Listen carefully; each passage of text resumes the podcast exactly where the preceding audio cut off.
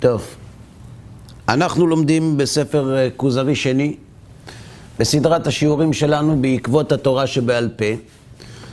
הספר כוזרי שני נכתב על ידי רבי דוד ניטו עליו השלום, אה, מטה דן, ואנחנו מצויים בהקדמה כשבשיעור הקודם התחלנו לעסוק בציטוט שמביא רבי דוד ניטו בהקדמתו לכוזרי שני מתוך ספר הקבלה לרבנו אברהם אבן דאוד הנהרג שעוסק בהשתלשלות התורה שבעל פה.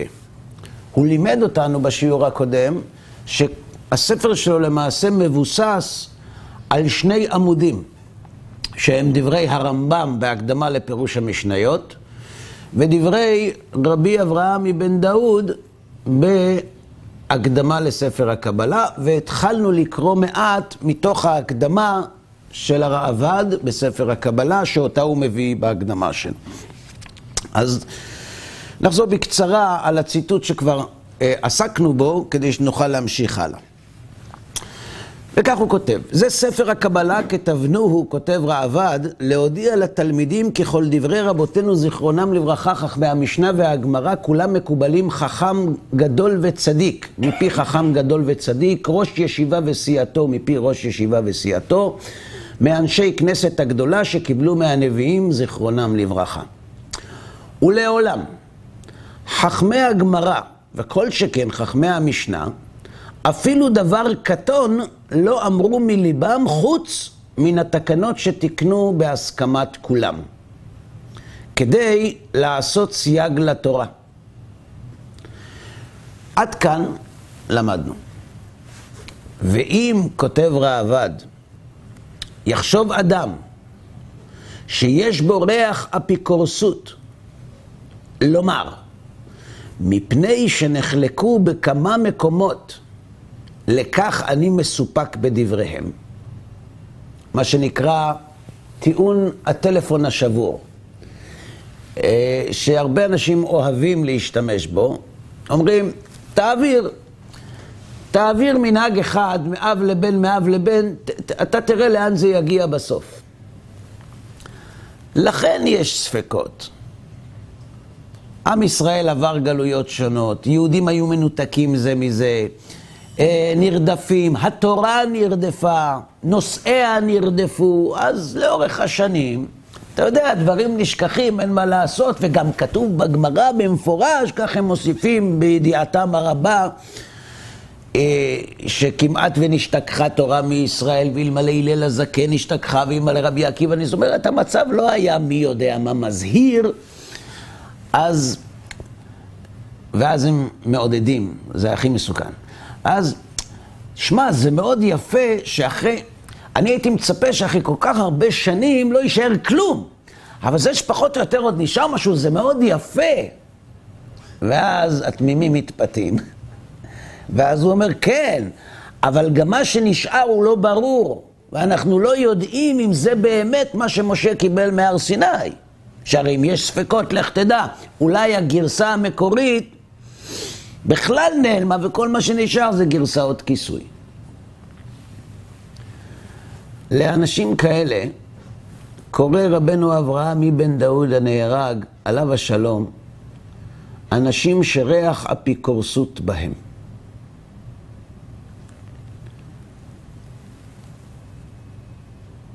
אף אתה אכהה את שיניו. על מי נאמר אכהה את שיניו? על איזה בן מארבעת הבנים המופיעים בהגדה? הרשע. ועוד יהיו. אגב, למה, למה הוא משתמש במונח הזה? מה שאכלת זה מה שאומרים על השיניים. לפי שהוציא עצמו מן הכלל, כפר בעיקר, אף אתה אכהה את שיניו. כלומר, כשאנשים שואלים שאלות על התורה שבעל פה, הם לא כופרים. צריך לדעת, זה מאוד חשוב לבדוק מאיפה השאלה באה. האם השאלה מגיעה כטיעון שמצדיק את התפיסה שלי, או האם מדובר כאן בשאלה? בלשון חז"ל, יש שתי הגדרות למשהו לא ברור. שאלה וקושייה. מה ההבדל בין שאלה לקושייה? תשובה? לא. קושייה זה להקשות, ושאלה זה מחוסר ידיעה. יפה. שאלה זה איבעיה להו. בעי מיני בארמית. בעי זה גם ביקש, שאל, שאל ממנו. רבי, מה קורה במקרה כזה? מה הדין במקרה כזה? שאלה כזאת היא שאלה שמבוססת על חוסר ידיעה, והאדם מבקש להבין. מהי קושייה? קושייה זה שאנחנו מקשים ממקום אחד על מקום אחר. כלומר, אנחנו מראים שיש סתירה. לפעמים יש תשובה, תירוץ, לפעמים אין. על קושייה יש תירוץ שמפרק את הסתירה, ועל שאלה יש תשובה. שואל ומשיב. מקשה ומתרץ. בסדר? כשאנשים שואלים שאלות על התורה שבעל פה, מעבר למנגינה, צריך לבדוק האם השאלות שהם שואלים זה כדי להצדיק את התפיסה שלהם, ואז אין טעם להשיב להם. כי הם לא הגיעו לתפיסת עולם בגלל שאלות שהיו ולא נפתרו, אלא יש להם עמדה. ועכשיו, כדי לחזק אותה, הם משתמשים בטיעונים שונים. לעומת אדם ששואל את אותן שאלות, אבל אין לו עמדה. הוא מחפש אותה, הוא מבקש אותה. לפי שהוציא עצמו מן הכלל. כלומר, כשהרשע שואל מה העבודה הזאת לכם, זה לא שבגלל השאלה הזאת הוא נהיה רשע, אלא בגלל שהוא רשע הוא שואל את זה בצורה כזאת. אז כיוון שהוא הוציא עצמו מן הכלל, כפר בעיקר, לכן אין צורך להשיב לו על השאלות, כי זה לא יעזור. אז הכה את שיניו. ברור. לכן הוא אומר כאן, כיוון שיש בו ריח אפיקורסות והוא שואל שאלות, הכה את שיניו. עכשיו, אני לא מבין למה לא... אז בשביל מה כתבת את הספר? אם, אם, אם, אם אתה חזק באגרוף, אז לך על זה. בשביל מה אתה כותב ספרים על תורה שבעל פה? הכה את שיניו. תשובה, הספרים שנכתבו על התורה שבעל פה, גם על ירדי רבנו אברהם מבן דאוד, וגם הקדמה לפירוש המשניות של הרמב"ם, וגם ספרים כמו ספר של רבי דוד ניטו, וחוסן יהושע, וכל הספרים שנכתבו על תורה שבעל פה, הם לא נכתבו עבור אלו שהוציאו עצמם מן הכלל. כי להם אין תקנה. מי שקובע עמדה לפני שהוא משתמש בשכל, אין אפשרות להזיז אותו ממקומו על ידי תשובות שכליות. כי הוא לא הגיע לעמדתו בגלל השכל. לכן אקהה את שיניו והודיעהו שהוא ממרה על פי בית דין. ושלא נחלקו רבותינו זיכרונם לברכה, כותב ראב"ד עליו השלום, לעולם בעיקר מצווה, אלא בתולדותיה. אתם יכולים להסביר לי איך הדברים האלה משיבים על הקושייה, על השאלה של הכופר. אני אחזור. מה שואל הכופר? ההוא שריח אפיקורסות יש בו, מה הוא שואל? אם יש ספקות, אז יכול להיות ששום דבר לא נכון. כלומר, המסורה לא אמינה. אז מה הכה את שיניו? כן, יש מחלוקות, אבל מעולם לא נחלקו בעיקר מצווה, רק בתולדותיה. כאילו יש את השורש וענפים, השורשים חזקים, כן, אבל איך זה עונה? שזה לא פוסל את כל האמינות של כל הדברים. אז בואו, ה- בואו, בואו נ... נ... אתם אומרים, טוב, אני... זו הזדמנות לחדד. כשאתה מבקש להשיב תשובה לאדם שאתה יודע שהוא לא מתכוון לקבל את תשובתך? מהי הדרך הנכונה לענות לו? קוראים לזה בלשון התלמוד ולטעמך. לשיטתך. אני משיב לך לשיטתך. אני הרי לא אמין בעיניך. אני לא ישר, אני מניפולטיבי, אני דמגוג, אני חרדי, אני דתי, אני פרוש, אני, אני רבני, אני מה, אני יהודי, אני מה שאתה רוצה. אני, אני שומע את טענתך, ואני משיב לך לשיטתך. עכשיו, כשאתה משיב למישהו לשיטתו תשובה טובה, זה מחייב אותו לקבל את מה שאמרת, כי זה לשיטתו.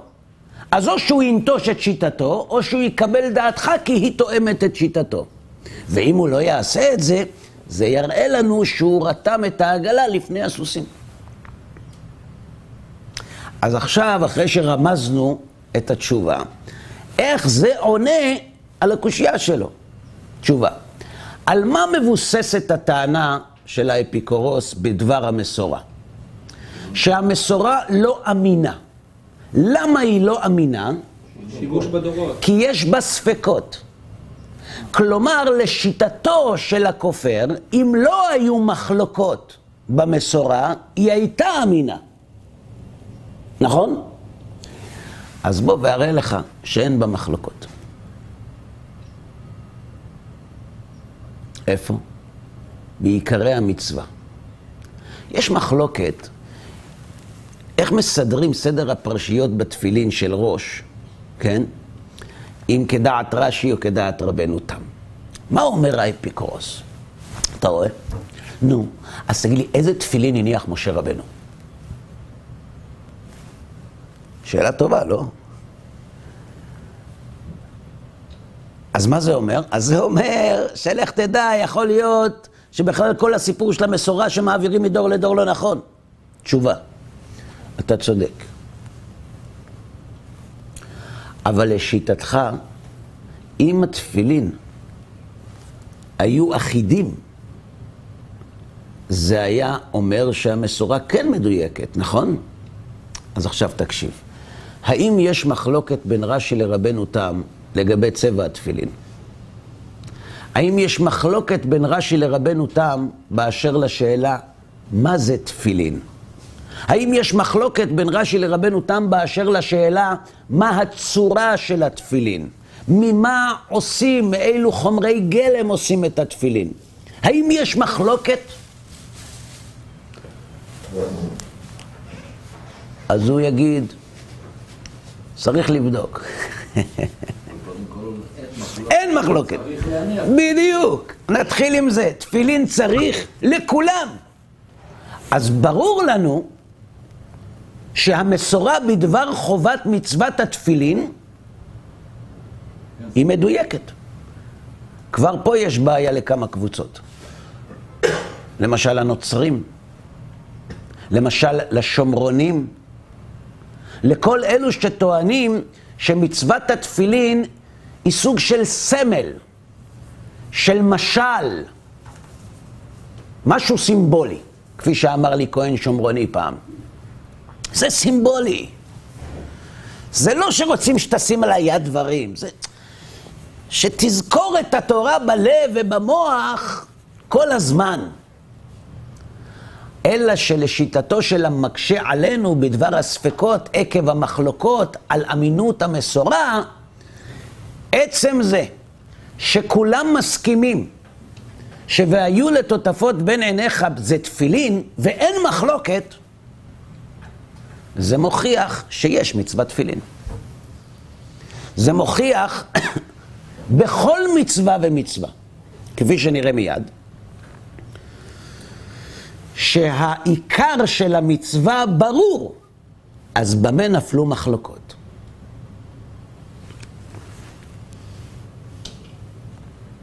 שלא נחלקו רבותינו זיכרונם לברכה לעולם בעיקר מצווה, אלא בתולדותיה. מעולם לא נפלה מחלוקת בשאלה מהו פרי עץ הדר. אתרוג. עכשיו, יש מחלוקות בדברים אחרים. כמה הדסים צריך, בסדר. אבל ודאי שענף עץ אבות זה הדס. לכולם. אז למה בתולדותיה נפלו מחלוקות? מפני שלא שימשו כל צורכם. בגלל שהנסיבות בגלות גרמו לכך שהתלמידים לא יוכלו לשבת שקטים ושאננים בגורן עגולה סביב רבם ומורם. ולא הספיקו לקבל ממנו את כל הפרטים, את כל האפשרויות השונות, ההיבטים השונים של יישום המצווה בפועל. מכל מיני סיבות. ולכן,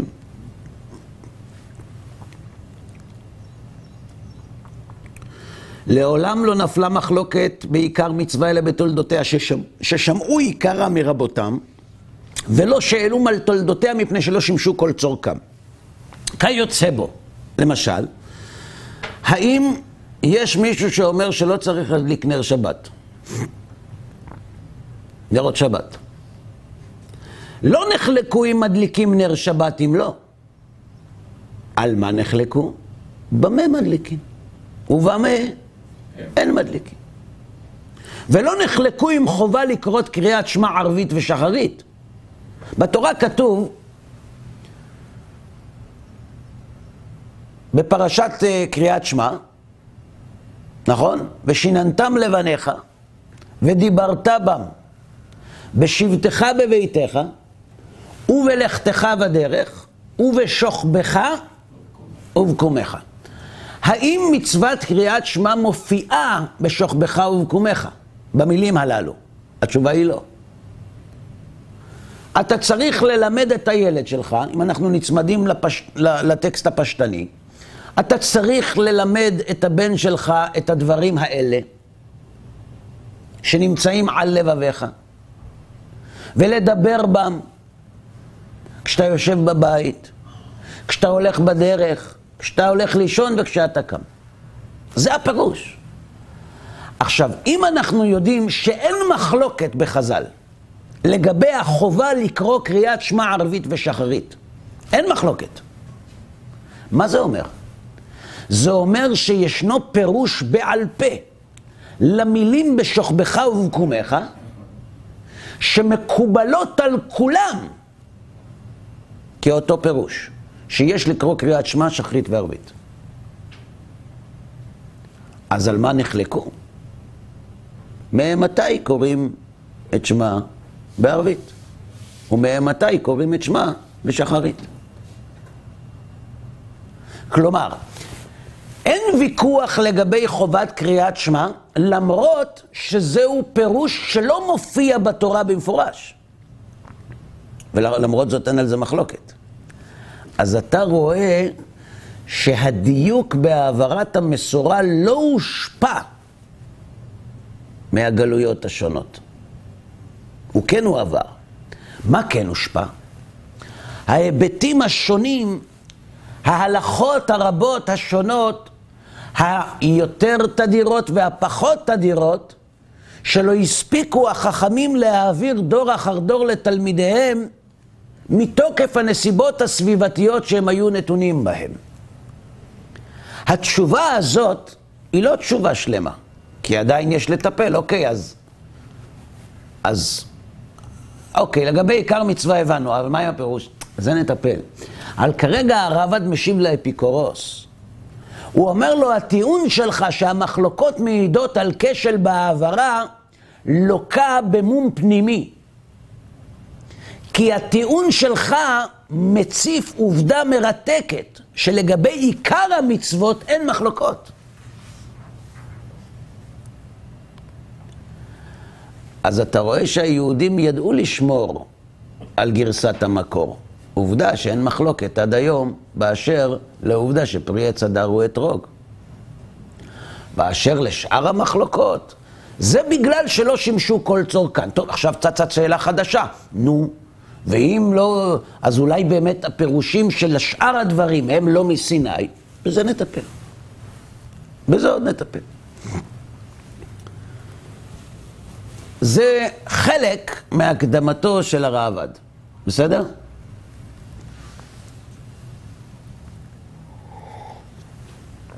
ועתה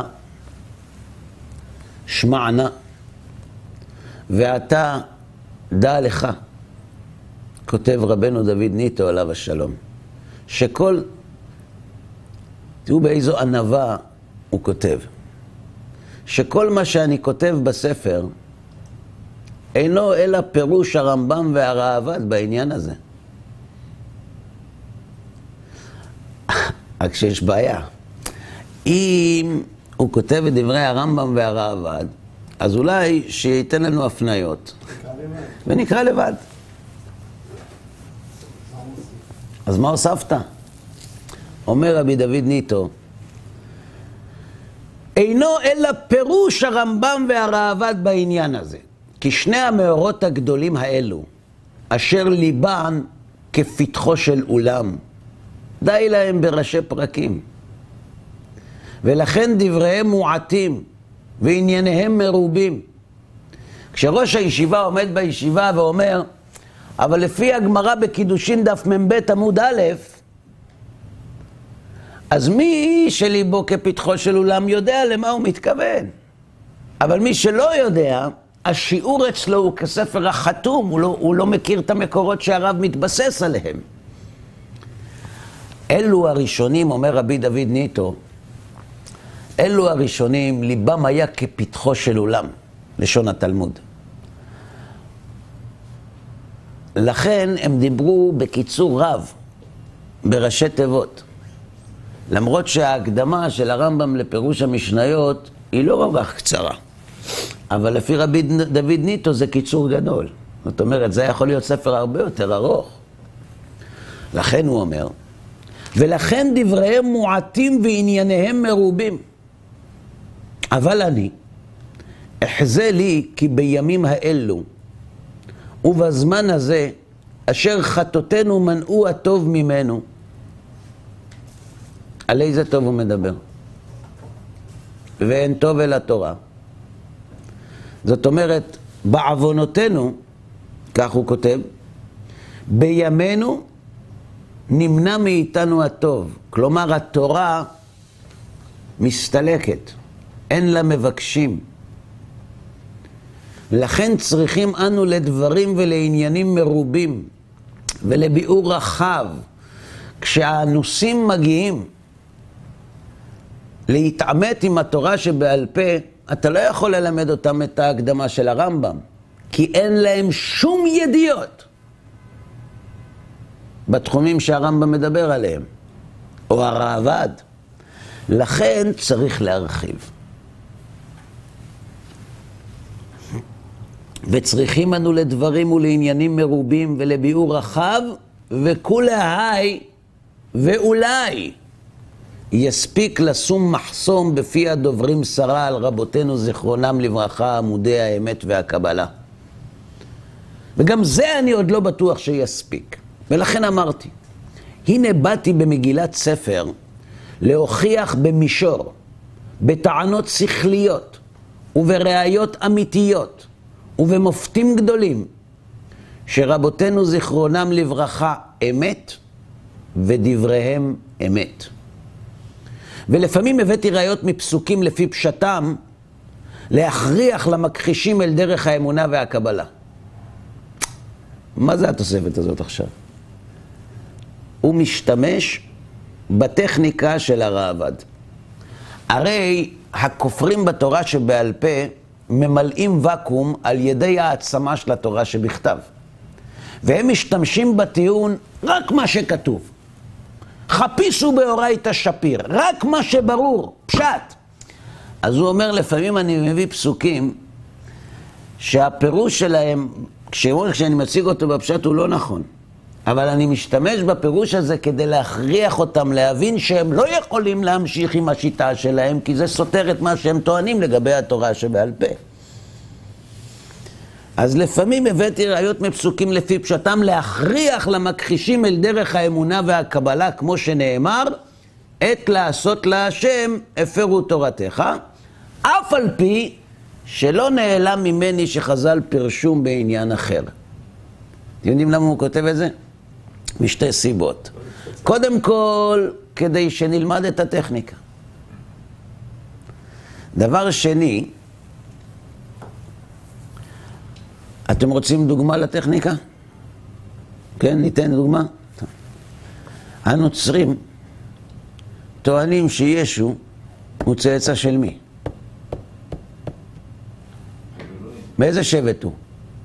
חוץ מזה של אלוהים. זה עוד עניין, זה ערוץ מקביל, יבוא מקביל, אבל ב... בהשתלשלות הגניאולוגית של הנפח מנצרת ואשתו, מאיפה מגיע ישו? לאיזה שבט הוא שייך? אם הוא המשיח? יהודה. ולמי הוא מתייחס? נו, לדוד המלך, נכון? יש בעיה קטנה. לשיטתם דוד לא יהודי. בטח. רות הייתה מואביה. ונאמר לו יבוא עמוני ומואבי בקהל השם. אז אם ישו הוא הנכד של דוד, הפרעה לפומיו, כן? הוא הנכד של דוד, אז איך הוא יהודי בכלל? מה? תגידו מואבי ולא מואבית. אם תגידו מואבי ולא מואבית, מי קבע מואבי ולא מואבית? עמוני ולא עמונית. מי קבע?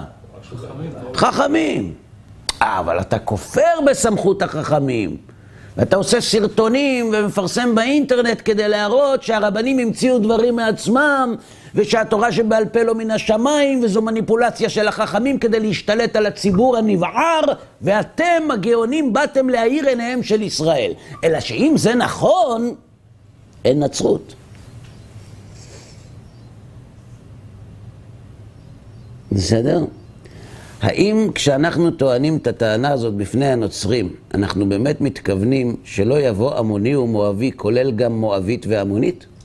לא. לנו יש את הפירוש שחז"ל נתנו לנו. עמוני ולא עמונית, מואבי ולא מואבית, ולכן דוד היה יהודי, כשר.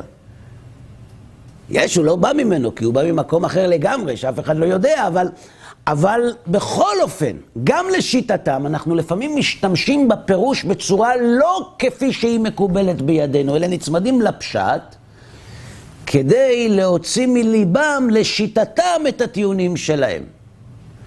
זו סיבה ראשונה שהוא משתמש בפשט הפסוקים, למרות שחז"ל פירשו אותם בעניין אחר. בסדר? אבל הוא כותב כאן,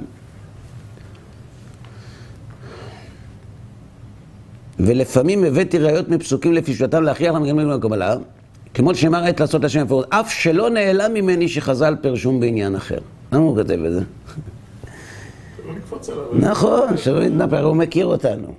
הוא יודע מאיפה הוא בא, רבי דוד ניטו עליו השלום. הוא התנסה במחלוקות, הוא התנסה ברדיפות, הוא התנסה ב... באנשים שניסו לחפש אותו בגלל משפט או שניים שהוא אמר שלא מצא חן בעיניהם וחשבו שהוא מתכוון לדברים אחרים. אז הוא אומר, חברים, כשאתם קוראים את זה אל תקפצו מהכיסא, אני יודע מה הפירוש של חז"ל, אני משתמש בזה רק בגללם, בסדר? עכשיו אפשר להתקדם. וקראתי שם הספר הזה בישראל, מטה דן, וכוזרי חלק שני. מטה דן, כי הוא מטה עוז ודין.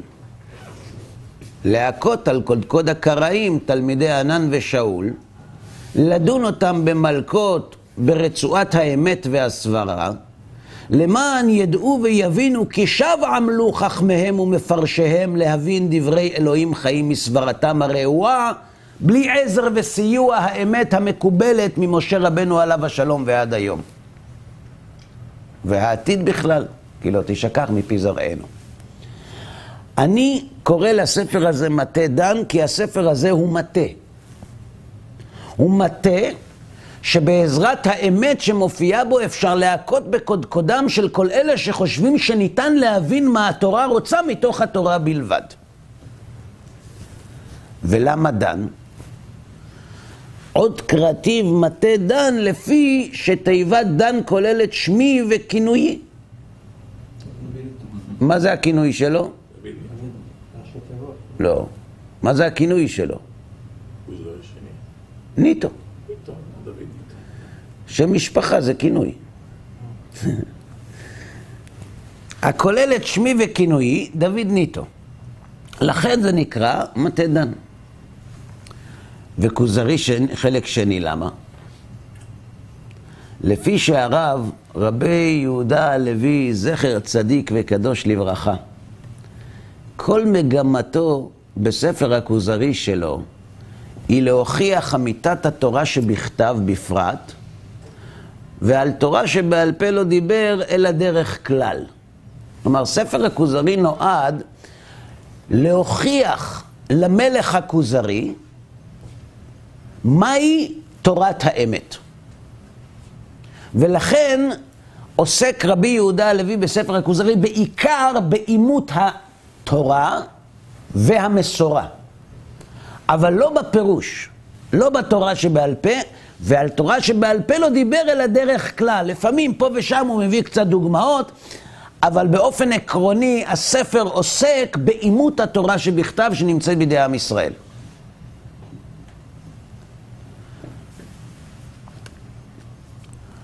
ובכן, מיני ומיני תתברר אמיתות שתיהם והסתתמו טענות מכחישיהם. זאת אומרת, הוא עסק בעיקר בתורה שבכתב, קצת בתורה שבעל פה. העיסוק בשניהם נותן לך כלים להתמודד עם המכחישים. ואף כי הוא זיכרונו לברכה, מגדולי חכמי ספרד, היה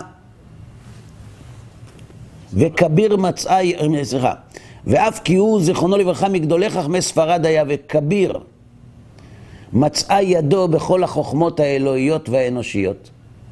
אני כותב את הספר כוזרי שני כהשלמה לספר כוזרי של רבי יהודה הלוי, כי בספר שלו הוא עסק בעיקר בתורה שבכתב, קצת בתורה שבעל פה. אבל אם תחבר את הספר הזה יחד עם הכוזרי הראשון, מיני ומיני תתברר אמיתת שתיהם ויסתתמו טענות מכחישיהן. וכאן הוא חוזר לענוותנותו. מי אני שאצרף את עצמי כמשלים ליצירתו של רבי יהודה הלוי? ואף כי הוא זיכרונו לברכה מגדולי חכמי ספרד היה וכביר מצאה ידו בכל חוכמות אלוהיות ואנושיות. ואנוכי הדל, שאני רק פילוסוף ורופא ותלמיד חכם ומשורר, זה הוא לא כותב, אבל זה מה שהוא היה. אה? הוא היה רב של הקהילה הפורטוגזית בלונדון, והוא היה ראש ישיבה קודם לכן בליבורנו. נכון. ואביו מתכתב ומכותב בשו"ת דבר אברהם לרבי שמואל אבואב, דבר שמואל לרבי שמואל אבואב, זאת אומרת שגם אביו היה תלמיד חכם. אבל אנוכי הדל באלפיי, ועם כל זה, למרות שאני לא מתקרב לאפס קצהו, לא משכתי ידי מהמלאכה הזאת, מלאכת שמיים. כי בטחתי בסיעתה דרחמנה, דליבה באי. אני בטוח בסייעתא דשמיא, מפני שהקדוש ברוך הוא רוצה את הלב. והלב שלי מלא באהבה גדולה לאותם יהודים טועים ותוהים שבעקבות הנצרות ואנשי דת החסד והרחמים עקרו מליבם את יהדותם, וכעת הם מבקשים לשוב לצור מחצבתם, וחומה של ברזל מפסקת בינם לבין קיום המצוות, בגלל שאין להם היכרות עם התורה שבעל פה. וכיוון שהקדוש ברוך הוא רוצה את הלב, והלב של רבי דוד ניטו מלא באהבה, לכן הוא בטוח שתהיה לו סייעתא דשמיא. וגם, בטחתי בסייעתא דשמיא, בסייעתא דרחמנא דליבה, דליבאביי, ובעמודי האמת המקובלת, שהם הרהיבוני לקנא קנאת השם צבקות, ותורתו הטהורה והתמימה, וחכמי ישראל הקדושים והנאמנים, להודיע ולהיוודע שכל מה שהורונו והודיעונו אינו אלא מה שלמדנו מרבותם ורבותם מרבותם עד משה בסיני. הסיבה השנייה שאני עושה את מה שאני עושה, זה כדי לקנא קנאת השם כנגד הטענות. המטילות דופי באותם חכמים גדולים וקדושים, ראשי ישיבות וסיעותיהם, צדיקים וחכמים גדולים, שעל ידי שאנחנו טוענים טענות כנגד התורה שבעל פה, אנחנו לא רק טוענים על אמינות המסורה, אנחנו טוענים לקנוניה של המוסרים. ומשתי הסיבות האלה, אומר רבי דוד ניטו, אני בטוח שתהיה לסייעתא דשמיא. גם כי ליבי מלא באהבה לאותם אנשים, וגם כי אני מבקש לקנא קנאת השם ולהגן על כבודם ועל שמם של אותם חכמי ישראל, התנאים והאמוראים והגאונים והראשונים, שהעבירו לנו את התורה. ברור.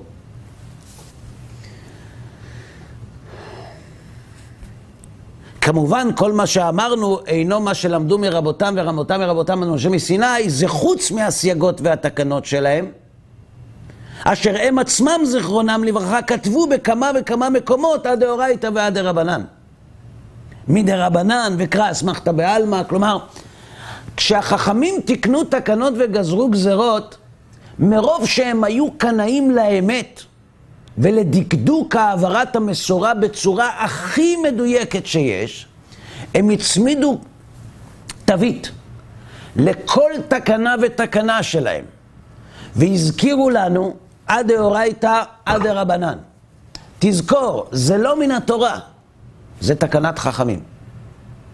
וגם במקום שהביאו פסוק מן התורה, והיה מקום לחשוב שחכמים מבקשים להראות שהתקנה או הגזרה שלהם כתובה בתורה, הם אומרים לא, זה אנחנו תיקנו. למה הבאנו פסוק? אסמכתא בעלמא. שיהיה קל לזכור. כאחת השיטות בביאור האסמכתא, דברי הרמב"ם. זאת אומרת, זה שהבאנו פסוק, זה רק בשביל שאתה קורא את הפסוק בתורה בשבת, תיזכר, אה, יש גם גזירה דה רבנן, הם הצמידו אותה לפסוק הזה. אבל שלא תטעה, זה לא דאורייתא. כלומר, התוספות של חכמים באו ממקום של ביטחון בכך שיקיימו את דבריהם, גם אם ידעו כולם שאלו דבריהם ולא דברי תורה. אם היה מדובר באנשים שמנסים להעמיס על התורה, כמו שטענו הקראים, הם לא היו אומרים דה רבנן, הם היו אומרים דאורייתא. לכן, מה שאמרנו שהם קיבלו בקבלה איש מפי איש, זה לא קשור לגזורות והתקנות, כי גזורות התקנות זה דה רבנן, וזה תוקן לאורך השנים, מי הסמיך אותם עוד נלמד, אבל חוץ מזה, כל מה שלימדו אותנו, קיבלו ממשה. ואת זה הוא יראה בספר. ולפי שיש מחלוקת על מלך כוזר הראשון ועל מלכותו, שזה אומר בכו וזה אומר בכו, כלומר, יש כאלה אומרים זה סיפור היסטורי, יש כאלה אומרים זה משל. אבל דבר אחד ברור, לפי כולם, גם לפי מי שאומר שהיה הסיפור הזה, אף אחד לא טוען שהדברים ששם רבי יהודה הלוי בפי החבר הם הדברים ש... ספר הכוזרי, גם לשיטת אלה שטוענים שהיה מפגש בין החבר למלך כוזר, ספר הכוזרי הוא לא הפרוטוקול של הפגישות, אלא רבי יהודה הלוי משתמש באירוע ההיסטורי או במשל כדי להנגיש לנו את המידע. לכן אומר, כדי, כדי שלא יכתבו פולמוס גם על הספר שלו, כותב, ולפי שיש מחלוקות על מלך כוזר הראשון ועל מלכותו, שזה אומר בכו וזה אומר בכו, יש אומרים שהרב המחבר המציא בדעתו מלך ומלכות, אשר לא היה ולא נברא. ויש אומרים שמעשה שהיה כך היה ככתוב בספר, כדי שלא להפוש שבמחלוקת, לא להוסיף עוד מחלוקת? על כוזרי שלי, אני מודיע נאמנה לכל קורא שלא נהיה כדברים האלה. זה לא היה. מה שאני הולך לספר לכם עכשיו, זה לא היה, אל תפתחו פקולטה באוניברסיטה על הספר שלי. כי מליבי אני בודם. יען מימיי לא ראיתי לא מלכות כוזר ולא מלך כוזרי. אלא שדרכתי אחרי עקבות הרב רבי יהודה הלוי, זכר צדיק וקדוש לברכה, לקיים מה שנאמר, למען תלך בדרך טובים ואורחות צדיקים תשמור.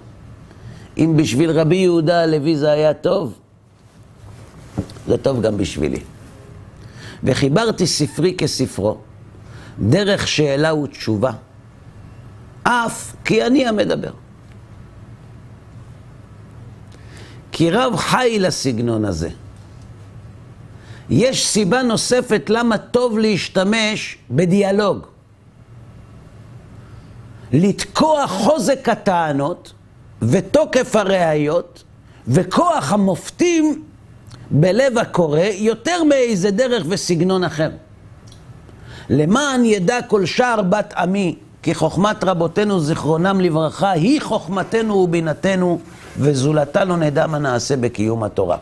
כשאתה כותב ספר, אתה כותב יסודות, אתה כותב ביאורים, אבל כשאתה כותב את זה בצורה של דיאלוג, ואתה מניח בפיו של המתנגד את הטיעונים שאיתם אתה מתמודד, אתה מסייע לקורא להזדהות עם השאלה, לראות את התשובה ולראות איך מגיב זה שמייצג אותך בדיון על הטיעון. האם הוא נכנע? האם הוא מתחמק? האם הוא מסכים? האם הוא מתקומם? לכן אני משתמש, אומר רבי דוד ניטו, בגישה הזאת, בסגנון הזה. גם בגלל רבי יהודה עליו השלום, וגם בגלל שזה הרבה יותר טוב להראות ולהוכיח את התכנים שאני מבקש להראות. וחילקתי הספר הזה לחמישה ויכוחים. יש פה ויכוח ראשון, ויכוח שני, ויכוח שלישי, וכו'. בוויכוח הראשון, מה אתם חושבים, עם מה צריך להתחיל את הספר?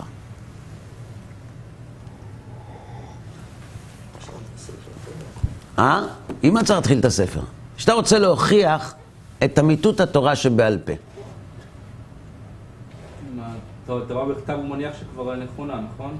תורה שבכתב יש לנו את הכוזרי. אפשר לקיים את התורה ללא התורה שבעל פה. ככה אתה אומר.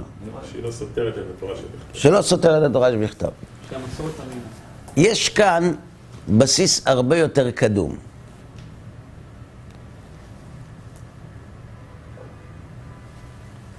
כשאתה אומר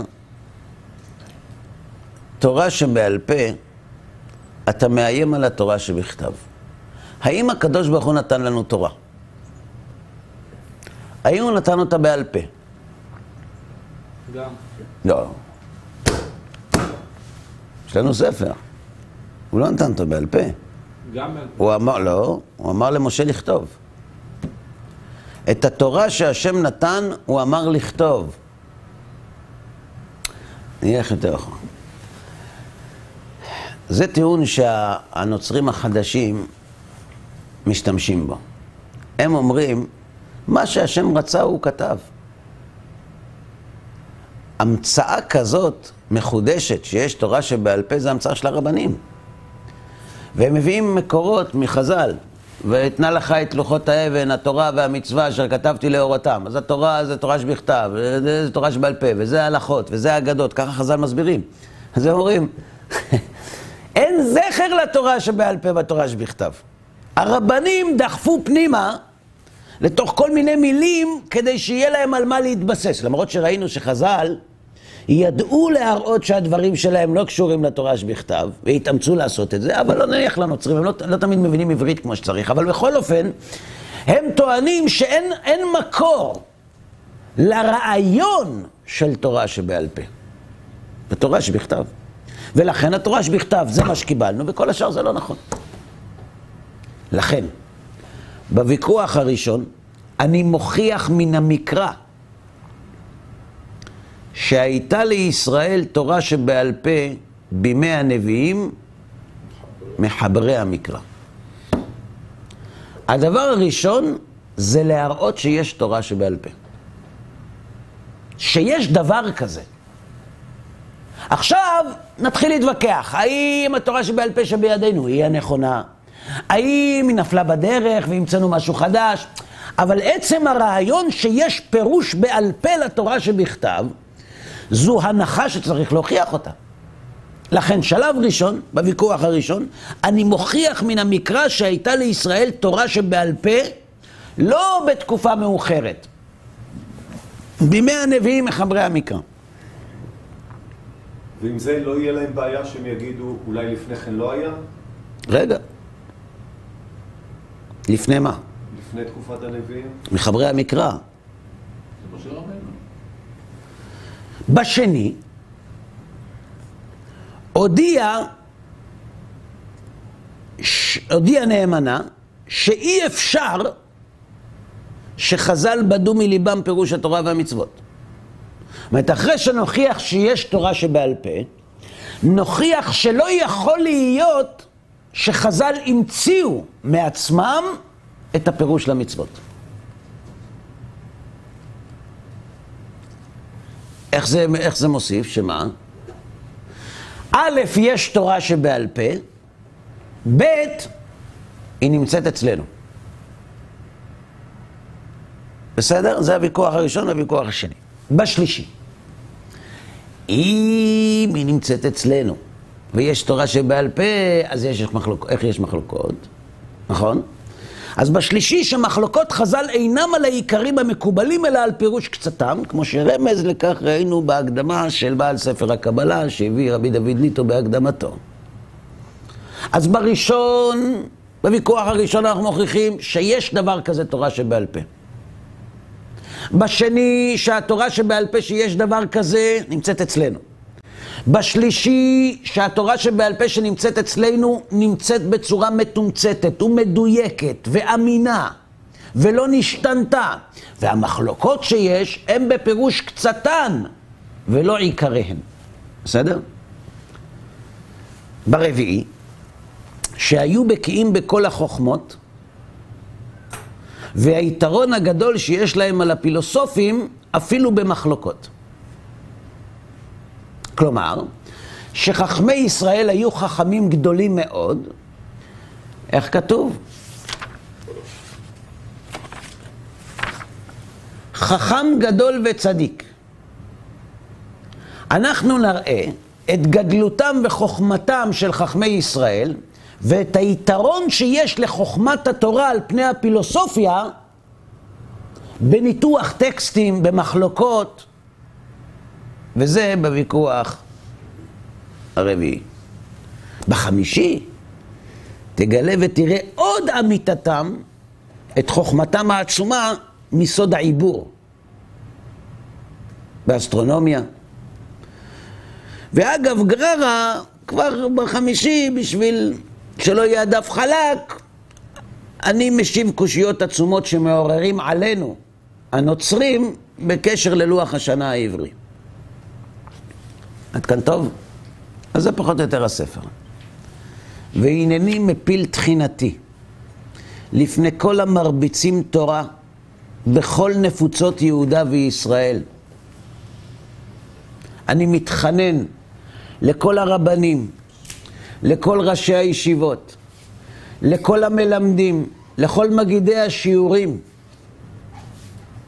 שקודם שישנו לתלמידים פירוש המשנה או הגמרא, שילמדו איתם שלושה ויכוחים הראשונים של ספר הזה.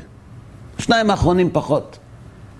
אבל לפחות את שלושת הוויכוחים הראשונים לפני שאתה מלמד אותו גמרא ומשנה, תלמד אותם את שלושת הוויכוחים הראשונים. ויפרשו אותם באר היטב. כי לכן כתבתים בלשון צח ונקל.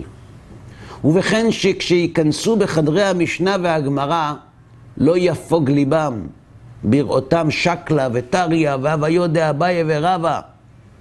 כי מקדם קדמתה יכירו וידעו שאלו ואלו דברי אלוהים חיים. מתחבר לבעל הסולם שהוא אמר שבשלושת תנאים, אחד מהתנאים זה לדעת שהתורה משמיים, מדבר כנראה גם התורה שבעל פה, אז. בוודאי, אין ספק בכך. אתם יודעים כמה פעמים נתקלתי בבחורים שיושבים בישיבה, ובצורה זו או אחרת אנחנו נפגשים, והוא אומר, שמע, אני עד היום לא הבנתי, אני, היה לי, אני יושב מול הגמרא, אני אומר, עולות לי שאלות בראש. הדרך של השקלא וטריא של הגמרא, הפרוטוקולים של התלמוד, זה, זה, זה, זה לפעמים מערער את האדם. למשל, למשל, המושג הכה במאי עסקינן. שמעתם פעם את המושג הזה? הכה במאי עסקינן. במה המשנה עוסקת כאן? על מה זה הולך? אנחנו לומדים משנה. כתוב במשנה הלכה. אנחנו מביאים סתירה במשנה אחרת למשנה הזאת. עכשיו, זה אותו עורך. לכן חייבים למצוא איזו התרחשות שבה ההלכה דווקא כדברי המשנה הזאת ולא... בדרך כלל, אתה צודק, ההלכה כך. הכה במה יעסקינן, במה אנחנו עסוקים כאן, ואז מביאים לך איזו דוגמה הזויה, רחוקה, שכמעט לא יכולה להיות, והמשנה הזאת מדברת על זה, לכן אין סתירה. עכשיו, כשמישהו יושב ולומד את זה, הוא אומר לעצמו, מה, הם, יש פה סתירה. יש פה סתירה. אז מה הם דוחפים בשביל להוציא את המשניות טוב מהסיפור?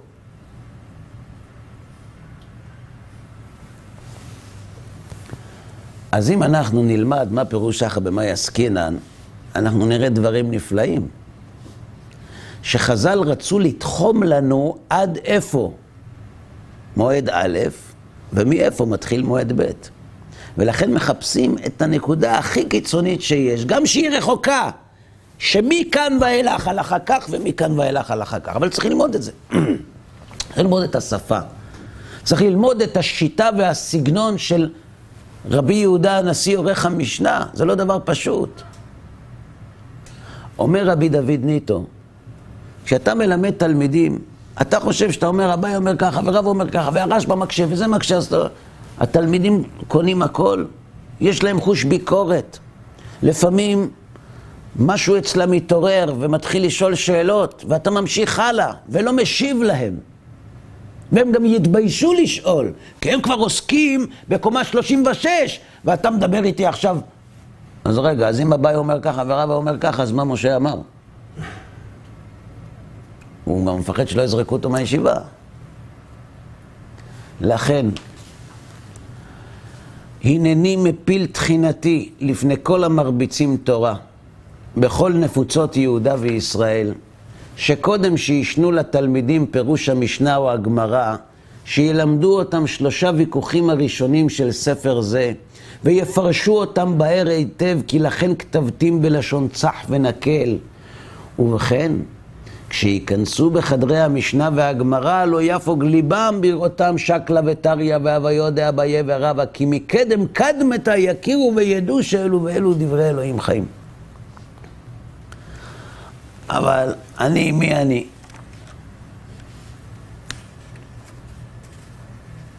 הרי לי אף אחד לא מקשיב, נכון?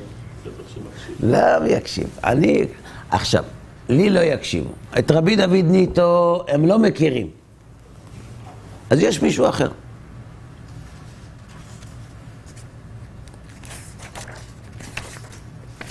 המישהו האחר הזה, זה הסטייפלר, עליו השלום, שהוא כתב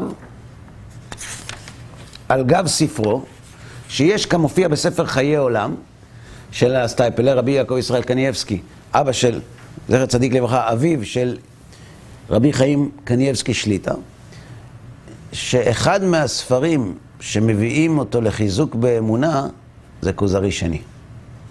הוא מונה שם כמדומני ארבעה או שלושה ספרים, אחד מהם זה נפלאות מתורת השם, והוא מונה את כוזרי שני.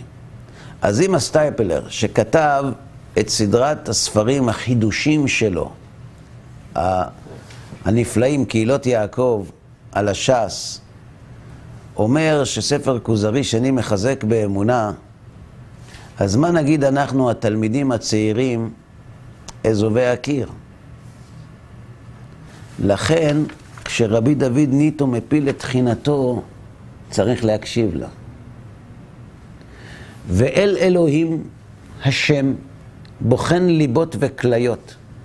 הוא יודע. וישראל הוא יודע. כי לא לכבודי ולא לכבוד בית אבא עשיתי. אני לא כתבתי את זה בשביל כבודי ולא בשביל כבוד בית אבא שלי ולא, ואני לא כותב ספרים רק בשביל שיהיה ספר. יען כי כל יודעי ומכירי לפנים מימי חורפי ועד היום הזה אשר נזרקה בי שיבה יעידון ויגידון כי מעולם לא גבה ליבי ולא רמו עיניי אלא לכבוד השם ותורתו וחכמי ישראל. אתם יודעים, בזמן המחלוקת הגדולה שהתרחשה במשך כשנתיים בין מתנגדיו של רבי דוד ניטו לרבי דוד עצמו, והאשימו אותו בפנתאיזם, ורדפו אותו, וביזו אותו, ורצו להדיח אותו מתפקידו, עד שהגיעה השאלה לבית דינו של החכם צבי בהמבורג. ולאחר שנפסק שדבריו אמת, הוא ביקש שלא להעניש את אלה שהעלילו עליו ופגעו בו.